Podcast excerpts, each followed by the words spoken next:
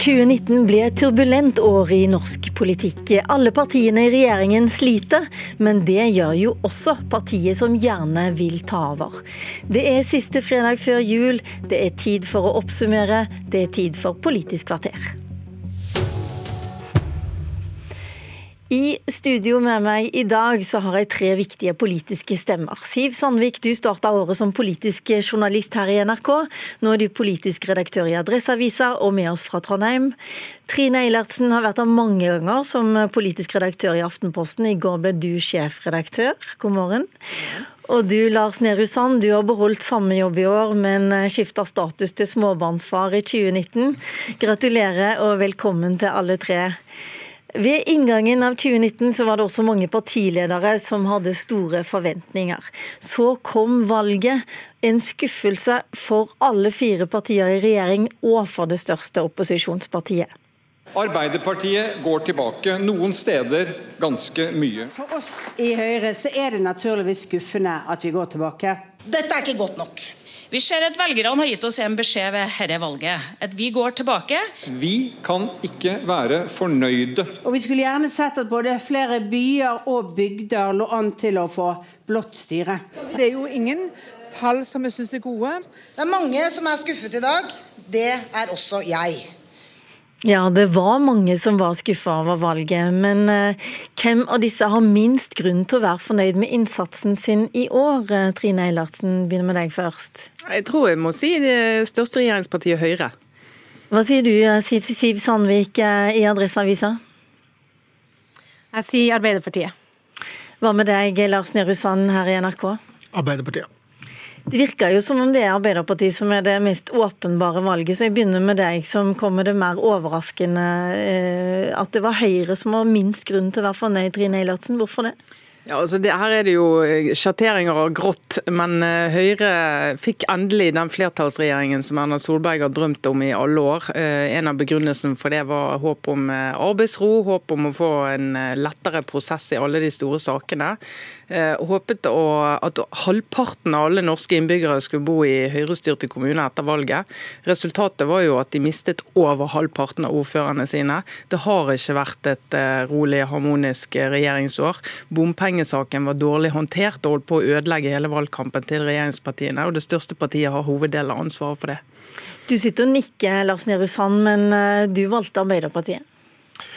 Ja, altså Arbeiderpartiet gikk mest tilbake, og Arbeiderpartiet har slitt med å finne formen som det ledende opposisjonspartiet, som er det man naturlig bør forvente av Arbeiderpartiet når de er i opposisjon. Eh, så Derfor så mener jeg at dette ikke har vært et godt år for Arbeiderpartiet. Men jeg er helt enig med Eilertsen i at det valget, det lokalvalget Høyre leverte, var eh, dårlig i oppslutning. Og resultatet av forhandlingene har gjort at Høyre har mista mange for dem viktige og nærmest utenkelige byer å miste, som Stavanger og Kristiansand som gjør at eh, Høyre i mange rådhus sliter med det samme som Arbeiderpartiet på Stortinget, nemlig å lage det troverdige alternativet til de som styrer. Eh, Siv Sandvik eh, i Trondheim, hvorfor valgte du Arbeiderpartiet? Jeg valgte Arbeiderpartiet fordi, eh, som Lars var inne på, etter seks år i opposisjon, så har de ennå ikke funnet formen. De er ennå ikke på offensiven og tar styringa i opposisjon. Og så leverte de jo et historisk eh, svakt eh, lokalvalg, og også i, i byer der de beholder makta, som i Trondheim, så ble de kraftig svekka. Og det ser vi jo også i de politiske gjennomslagene, eller mangel på sådan, som de har også i byer der de fortsatt sitter med ordføreren. Men eh, hva med Kristelig Folkeparti, da? De gjorde også et eh, fryktelig dårlig valg. Det var vel tidenes dårligste, så vidt jeg husker. Og eh, de gikk vel inn i regjering ved starten av året med håp om at de skulle reise seg? Ja, de hadde et håp eh, om det, og der var jo, selv om valgresultatet var skuffende, så var de jo letta over at det ikke gikk eh, dårligere, og det sier jo litt om stemninga i partiet. I den siste målinga jeg så nå fra Vårt Land, så ligger de jo på 2,6% Det er veldig svakt, eh, og ikke en eneste måned siden veivalget i november i fjor, så har de et snitt over sperregrensa. Så de sliter med å få tillit fra velgerne, og de sliter også med tilliten internt. Eh, når jeg snakker med KrF-ere, eh, så omtaler de fortsatt hverandre som rød og, blå, selv om de utad liker å snakke om at de alle er gule. Det er fortsatt dype spor etter den opprivende kampen som var før jul i fjor, der blå side mener at rød side dyrker nederlag, og der rød side mener at Kjell Ingolf Ropstad drar partiet i en retning de, de frykter skal ende opp med å gi partiet et nytt mørkemannstempel. Så her slikkes sårene tidvis så aktivt at de rett og slett ikke får eh, tid til å gro. Jeg har ikke tenkt å spørre dere engang om hvem som eh, vant 2019. Vi kan høre litt på han her. Dæven! Sauda, ja. 54 Sauda 54% alle hørte vel at det var latteren til Trygve Slagsvold Vedum. La meg spørre dere kort alle tre først. Hvorfor, hvorfor gjør Trygve Slagsvold Vedum og Senterpartiet, hva er det de gjør riktig, Lars Nehru Sand? Han har nærmest klart å gjøre nærhet til tjenestene til en selvstendig verdi for folk. Han klarer å bygge en høyere himmel eller tegne en rød tråd mellom veldig mange ulike saker, som gjør at han er relevant i mange debatter. Trine, Sla uh, Trine Slagsvold Vedum, Jan Arne, Trine Eilertsen, hva tror du? Han har eh, truffet en eh, tidsånd, og så har han en personlighet som skiller seg fra alle de andre partilederne òg. Siv Sandvik. Hva tror du? I tillegg til at de har en klar fortelling som de putter alle saker inn i, der det meste handler om distriktspolitikk og at regjeringa svikter utkanten, så hopper de også elegant over saker som ikke passer inn i den fortellinga, og lar andre ta seg av det.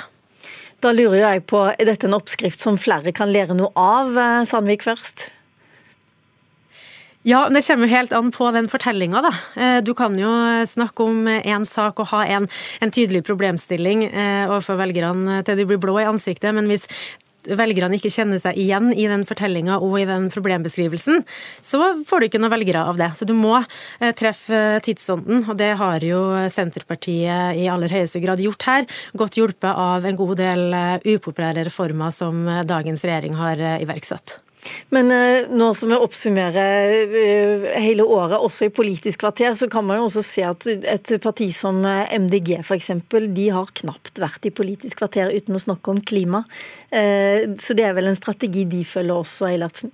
Ja, og det, det, er jo en riktig strategi som opposisjonsparti at du velger deg et uh, smertepunkt hos regjeringen. Og du har da på å si flaks hvis det også er det, den saken du har sakseierskap til, som er den viktigste saken som gjør at du klarer å mobilisere velgere. Både MDG og Senterpartiet er i en veldig uh, unikt god situasjon der. De har mye å kritisere regjeringen for. Mye vanskeligere for Arbeiderpartiet og, og de, til dels de andre uh, opposisjonspartiene også. De har et lite håp hopp nedover igjen i Dagbladet i dag, men uh, sammenlagt så ligger de jo nå på noe sånn som 18 uh, i, på meningsmålingen, Lars Nehru Sand.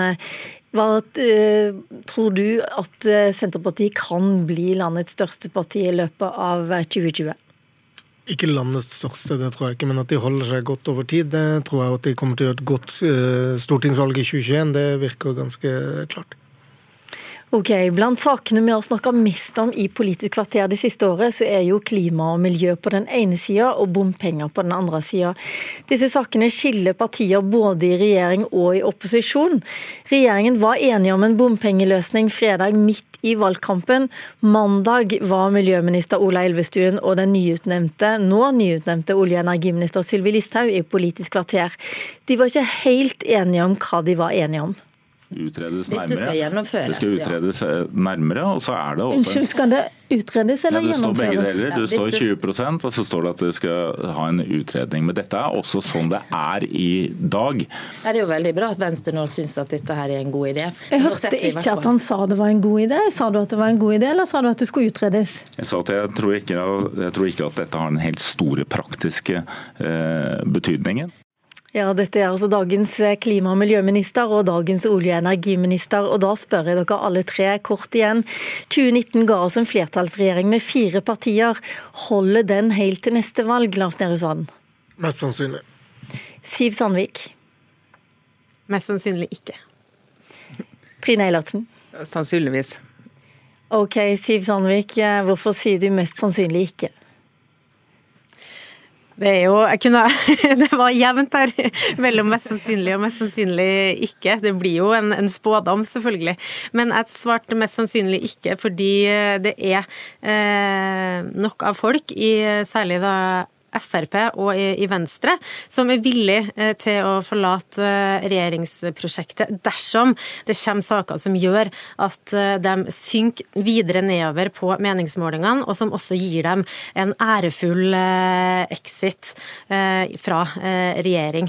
Og så vet jeg jo at Erna Solberg som statsminister har en egen evne til å dra en, en løsning og et kompromiss opp av hatten i tolvte time, men det er ikke sikkert at det heller helt fram til 2021. Og det kan godt være at eh, et av eh, de her to partiene er nevnt, velger å gå i opposisjon eh, før valget, og heller bygge seg opp fra den rollen.